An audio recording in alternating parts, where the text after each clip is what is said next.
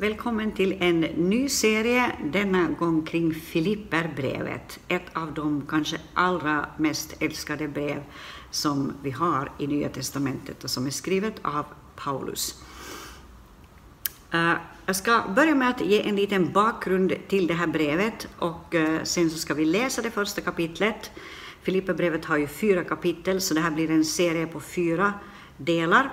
Vi ska läsa det första kapitlet så som vi brukar göra och sen ska jag ge några kommentarer. Men innan vi läser det så ska jag ge en liten bakgrund till allt det här. Staden Filippi hade fått namnet efter den makedoniske konungen Filip som var far till Alexander den store och som grundlades ungefär år 360 f.Kr.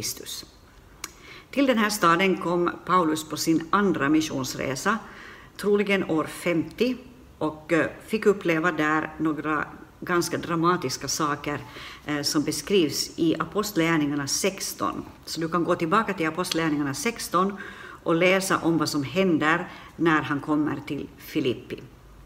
Eh, vi hör inget om något judiskt motstånd där i det kapitlet, men vi märker, eller får läsa om några slavägare som har gått miste om sin inkomstkälla på grund av Paulus verksamhet och frukten av hans verksamhet. Uh, och i den här staden, uh, där det börjar liksom med en viss sån här eh, rörelse, kunde vi säga, eller ett visst motstånd, här grundas en församling. Uh, och det är ungefär tio år efter, efter detta grundande som Paulus sen skriver det här brevet till dem. Och det här brevet från, från Paulus till Filipperna Eh, det är skrivet under hans eh, första fångenskap i Rom någon gång under 60-talet efter Kristus.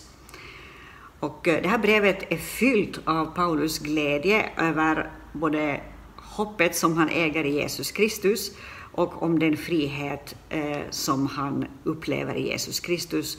Och också en glädje över Filippernas omtanke som han också får ta del av. Att skriva och sända brev eh, på den här tiden var dyrt. Det var en dyr form av kommunikation. Eh, det användes bara om det riktigt krävdes. I det romerska imperiet skrevs ganska ofta brev, eh, men mest av tjänstemän eller rika som hade råd att betala någon postiljon att förmedla det här brevet. Och det var, det var vanligen så att det krävdes en viktig orsak om man skulle skriva ett brev, till exempel någon typ av kris eller ett större problem. Ofta skrev man korta brev på ett papyrusblad, kanske 20 ord ungefär i genomsnitt. Längre brev förutsatte att man satte de här bladen ihop. Paulus brev är då bland de längsta brev från den här tiden. Han skrev vanligen kring 1300 ord. Romarbrevet, som vi har en serie kring um, i, i Vasa på Youtube-sidan, eh, Romarbrevet är mycket längre än 1300 ord. Paulus följde ungefär samma format i varje brev. Först skriver han sitt namn eller vem brevet kommer från för att mottagaren skulle veta vem som har skrivit. Sen adressen, alltså vem han skriver till. Sen en hälsning till mottagarna, eh, och det var ganska typiskt just på den tiden. Paulus använde den möjligheten till att uppmuntra dem. Ofta det är liksom, det är det positiva som kommer där i början. Och eh, sen kommer han till själva ämnet som han då har i sitt brev och till slut så kommer en sammanfattning, eh, några hälsningar och eh, eh, till sist så kommer då hans signatur. Intressant är att ingen annan religion använder brev som ett uttryck för gudomlig uppenbarelse. Brev var ovanliga på den tiden och dessutom har vi alltså här brev som skulle ses som ett Guds tilltal. Och man kan ju fråga sig varför Gud valde att uh, tala genom brev. Uh, och på den frågan så, så svarar David Paulson i sin kommentar så här uh, att det för det första är så att brev ju gör att gudsordet blir personligt. Det får liksom en personlig prägel. Det är ett brev till vanliga människor som vi. Brev som innehåller personliga och känslomässiga element som hör hemma just i brev. Eh, så även om vi står inför ett kulturellt gap eh, så gör det här rent mänskliga i de här breven lätt att relatera till dem. Och för det andra så eh, blir ju Gudsordet på något sätt väldigt praktiskt när det handlar om ett brev av den här sorten. Det, det är texter som relaterar till livet. Det är verkliga behov som Paulus skriver om. Det är äktenskapet, slaveriet, barnen i hemmet, dagligt arbete. Alltså Gud valde att skriva brev, inte att hålla föreläsningar som knappt någon förstår, utan Gud ville i sin kärlek kommunicera till oss ett kärleksbrev. Och det kan du ha i tanken när du läser Bibeln, att det här är Guds kärleksbrev till dig, Guds uh, tilltal med undervisning och uppmuntran till dig. Och det är liksom den prägel som han vill att du ska plocka upp i gemenskapen med honom. Eh, det här brevet skrevs under Paulus första fångenskap i Rom då han satt i husarrest. Och du kan läsa om det alldeles i slutet av Apostlagärningarna, i det sista kapitlet, i de sista verserna. Eh, Filippi var den första staden han hade besökt i Europa och den första staden där han också planterade en församling. Och därför kan vi tänka oss att Filippi hade en speciell plats i hans hjärta och en stor kärlek, helt enkelt. Det fanns en stor kärlek från honom till församlingen i Filippi. Och då ska jag läsa det första kapitlet där det står så här. Från Paulus och Timoteus, Kristi Jesu tjänare, till alla de heliga i Kristus Jesus som bor i Filippi, tillsammans med församlingsledarna och församlingstjänarna. Nåd vare med er och frid från Gud vår Far och Herren Jesus Kristus. Om vi stannar där först. Eh, Paulus skriver Eh, och han säger så här att det här är ett brev från Paulus och Timoteus. Eh, det är antagligen så att eh, Paulus har liksom, det, det, är Paulus som har dikterat, fört pennan. Han, han, han säger jag flera gånger sen senare i det här brevet och Timoteus omtalas som tredje person, men Paulus vill liksom inkludera Timoteus i, i den här ja, i själva brevet och liksom i den här upplevelsen som människor ska få av att det här är ett brev från teamet Paulus och Timoteus. Och eh, så fortsätter han och säger så här. Jag tackar min Gud varje gång jag tänker på er. I alla mina böner för er ber jag alltid med glädje eftersom ni har varit med i arbetet för evangeliet från första dagen ända till nu. Och jag är övertygad om att han som har börjat ett gott verk i er också ska fullborda det till Kristi Jesu dag. Det är inte mer än rätt att jag tänker så om er alla, för jag har er i mitt hjärta. Både när jag bär bojor och när jag försvarar och befäster evangeliet delar ni alla nåden med mig. Gud är mitt vittne att jag längtar efter er alla med Kristi Jesu ömhet. Och min bön är att er kärlek ska överflöda mer och mer och ge insikt och gott omdöme så att ni kan avgöra vad som är viktigt och vara rena och fläckfria på Kristi dag, rika på rättfärdighetens frukt som Jesu Kristi ande ger. Eller förlåt, som Jesus Kristus ger. Gud till ära och pris. Så om vi tar en liten paus här innan vi går vidare, så börjar alltså Paulus med att säga att han tackar Gud för de här människorna i Filippi och han ber för dem med glädje, säger han. Eh, och eh, orsaken till hans glädje är att de har varit med i arbetet för evangeliet från första början. Han säger eftersom ni har varit med i arbetet för, för evangeliet från första dagen ända till nu. Med andra ord, och det här är en viktig signal, tycker jag åtminstone, att Paulus ger liksom den här signalen från början att i arbetet när det gäller evangeliet och att dela evangeliet i Filippi och på andra ställen, så finns det liksom ett vi över hela konceptet. Det handlar inte om att jag har arbetat för evangeliet, jag, Paulus, har arbetat för att nå människor, utan det finns ett vi över det här arbetet. Det handlar inte om aposteln och pastorn Paulus som talar till en passiv hop som sitter i kyrkan och lyssnar snällt, utan det handlar om ett vi Uh, han säger, i alla mina böner för er alla ber jag alltid med glädje eftersom ni har varit med mig i arbetet för evangeliet från första dagen ända till nu. Ni har inte tappat glädjen, ni har inte tappat entusiasmen, ni har varit med från första dagen och uh, ända till denna dag. Och så säger han, jag är övertygad om att han som har börjat ett gott verk i er också ska fullborda det till Kristi Jesu dag. Det är i den kontexten det här citatet finns, det här som vi ofta citerar.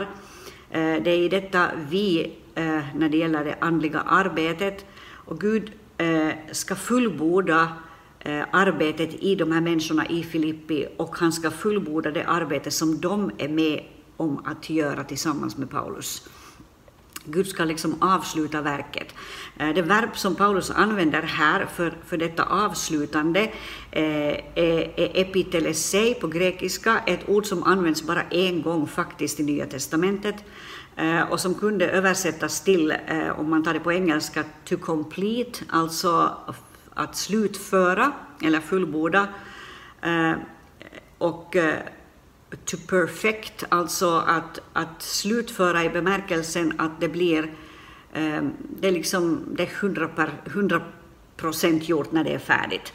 Eh, så det finns liksom en, en tro hos Paulus att de ska orka ända till slutet, de ska inte ge upp. Och det här är en bra hälsning till oss i den här tiden. Eh, jag tror att den här coronatiden för många kanske har varit en sån här tid då man kanske har liksom lite fallit bort från eh, den lokala församlingen, eh, därför att det inte har varit möjligt kanske att komma på samma sätt som tidigare. Och det är viktigt att vi inte, att vi inte liksom låter det verk som Gud började i våra hjärtan, att vi inte låter det dö bara för att vi själva på något sätt faller av kärran. Och Paulus fortsätter, han säger så här att det är inte mer än rätt att jag tänker så om er, för jag har er i mitt hjärta. Han har dem i sitt hjärta och här ser vi liksom någonting av det där kärleksbrevstänkandet som jag nämnde om där i början. Han har de här människorna inte bara som en han tänker inte på dem liksom som en publik eller, eller som en, en sån här passiv skara, utan det är människor som han har en personlig koppling till och som han älskar av sitt hjärta.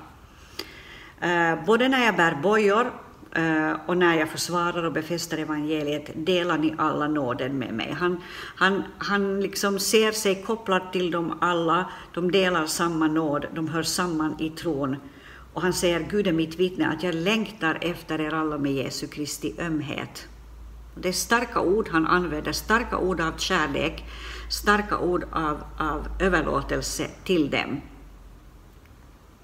Eh, och eh, han säger också så här att Eh, eller det på något sätt kommer fram den här signalen, och det tog Paulsson fram där, att, att även om den här processen mot Paulus, som alltså då är fängslad, eh, även om den inte ännu är avslutad, är han övertygad om att han ska kunna få komma till Filippi ännu en dag. I, I vers 25 så säger han så här, nämligen det är jag övertygad om, och jag vet att jag ska få leva och vara kvar hos er alla och hjälpa er till framsteg och glädje i tron. Eh, och innan det så sa han så här att för er skull är det mer nödvändigt att jag får leva och vara kvar i kroppen. Så han, han vet att det kommer en dag då Herren ska ta hem honom och han kan kanske vara tvungen att uppleva det eh, genom förföljelse och, och genom att han, hans liv avslutas med våld. Men här så uttrycker han på något sätt en längtan efter att få träffa dem igen och kanske en inre övertygelse om att ännu är, är mitt liv ännu, ännu är mitt liv inte över och mitt arbete är inte över. Uh, och då säger han så här att min bön är att ert kärlek ska överflöda mer och mer och ge insikt och gott omdöme. Det är en intressant formulering att han menar att kärleken som de ska ha till varandra, kärleken de ska ha för varandra, kommer att ge insikt och gott omdöme. Man kan alltså göra goda bedömningar baserat på att man är grundad och rotad i Guds kärlek. Inte i lagen, inte i rätt och fel, utan att man är rotad och grundad i kärleken, där, därav kommer insikten och det goda omdömet, eller klart omdöme. Och han säger att så att ni kan avgöra vad som är viktigt och vara rena och fläckfria på Kristi dag, rika på rättfärdighetens frukt som Jesus Kristus ger. Uh, alltså en, en rikedom på frukt uh, som, som kommer uh, av, av, av denna efterföljelse i Jesus Kristus. Och, och han visar liksom på att mitt i förföljelsetider, mitt i svåra tider, så kan man ändå vara rik på frukt från Jesus Kristus. Det handlar inte om att man just och just överlever i förföljelsen, liksom andligen överlever i förföljelsen, just och just orkar släpa ena benet efter sig, utan det finns en rikedom i gemenskapen med Jesus Kristus som gör att man orkar ända till slutet.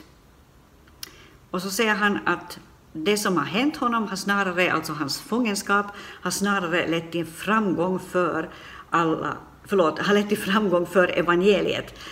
Och så säger han att det har blivit klart för hela pretoriet och alla andra att det är för Kristi skull som han sitter fängslad.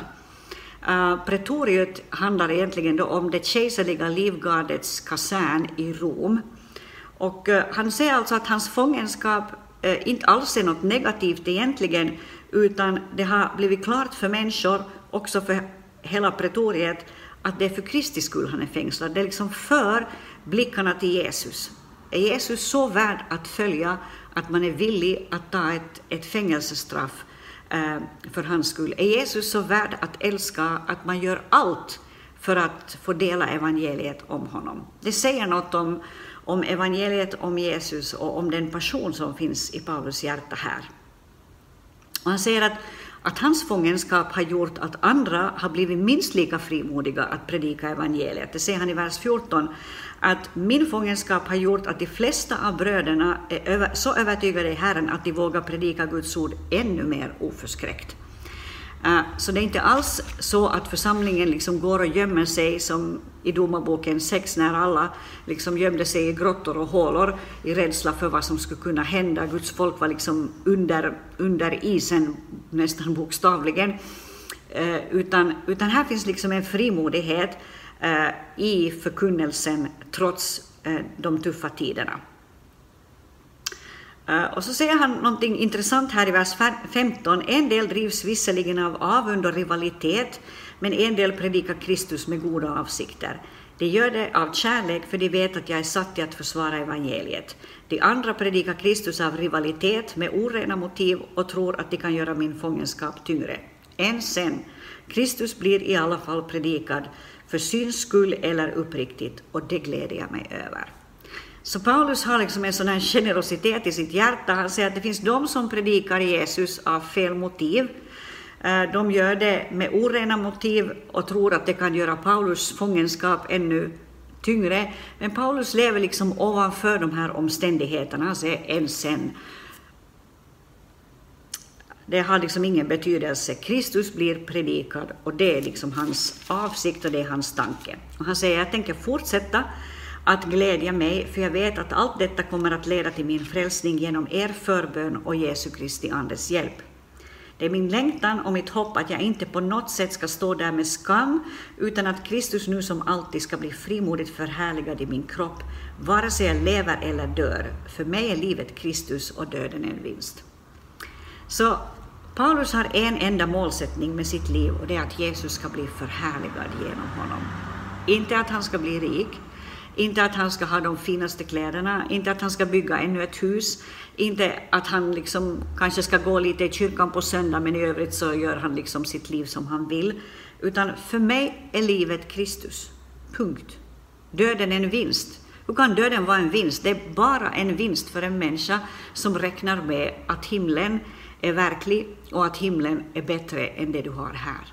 Och att Orsaken till att det du, eh, hur ska jag säga, orsaken till att du är här på den här jorden är att få tjäna Jesus. Eh, men i övrigt så är du på väg till himlen. Det är liksom det fokus som han driver här. Han vill att Jesus Kristus ska bli ärad, förhärligad och älskad genom det han gör.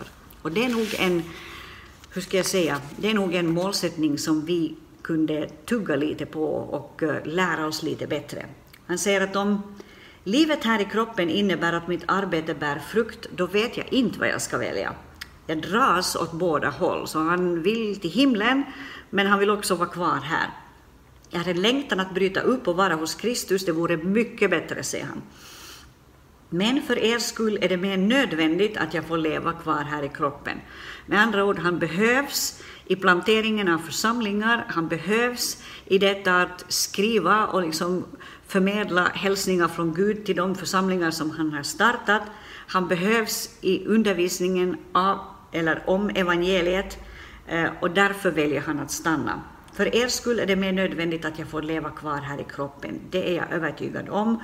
Och jag vet att jag ska få leva och vara kvar hos er alla och hjälpa er till framsteg och glädje i, i tron.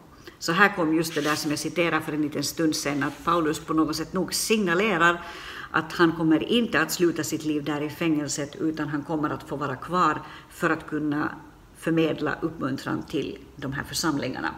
När jag är tillbaka hos er igen får ni ännu större anledning till glädje i Kristus Jesus för min skull. Och så avslutar han det här första kapitlet genom att säga, se bara till att ni lever på ett sätt som är värdigt Kristi evangelium, vare sig jag kommer och besöker er eller inte. Alltså med andra ord, eh, jobba för Guds rike också när jag inte är där. Ställ inte bara till med någon slags performance eller uppvisning när jag kommer så att det ser fint ut, dra fram alla fina körer och grejer och så liksom i övrigt så är det liksom bara low profile. Utan han säger, vare sig jag kommer och besöker er eller inte, se till att ni lever på ett sätt som är värdigt evangeliet. Håll fanan högt, vare sig jag är där och kollar det eller inte. Låt mig få höra om er att ni står fasta i samma ande och samma sinne och kämpar för tron på evangeliet, utan att, bli no utan att på något sätt låta er skrämmas av motståndarna. Det blir för dem ett tecken på att de går förlorade, medan ni blir frälsta och det av Gud. Ni har ju fått nåden att inte bara tro på Kristus, utan också att lida för hans skull, eftersom ni har samma kamp att kämpa som ni såg att jag hade och nu hör att jag fortfarande har. Noterar du, han säger, ni har fått nåden att inte bara tro, utan också att lida för Jesus skull. Han kallar det en nåd, en förmån, att få lida för Jesu Kristi skull. Och det är också en viktig signal till oss i den här tiden där vi satsar så mycket krut på att världen ska förstå oss och världen ska inte bli upprörd över vad den kristna församlingen står för och predikar. Ehm, vi har nog all orsak att fundera på det här att har vi förlorat någonting i vårt evangelium? Har vi förlorat, förlorat någonting i vårt sätt att arbeta? Eh, när vi är så fruktansvärt intresserade av att världen ska liksom förstå oss och acceptera oss. När den här signalen här är att det är nåd att få lida för Jesu Kristi skull. Det är en viktig signal. All right. Uh, nu får du ta det här och läsa, uh, jag tänkte säga läsa bättre själv, uh, med det menar jag att du får läsa lite djupare själv och eh, läs långsamt så att ordet får gå in och fundera på vad Paulus egentligen är ute efter och fundera alltid på att på vilket sätt ska det här eh, förverkligas i mitt eget liv? Vad betyder det här i mitt eget liv idag? Så ses vi igen om en vecka. Var välsignad.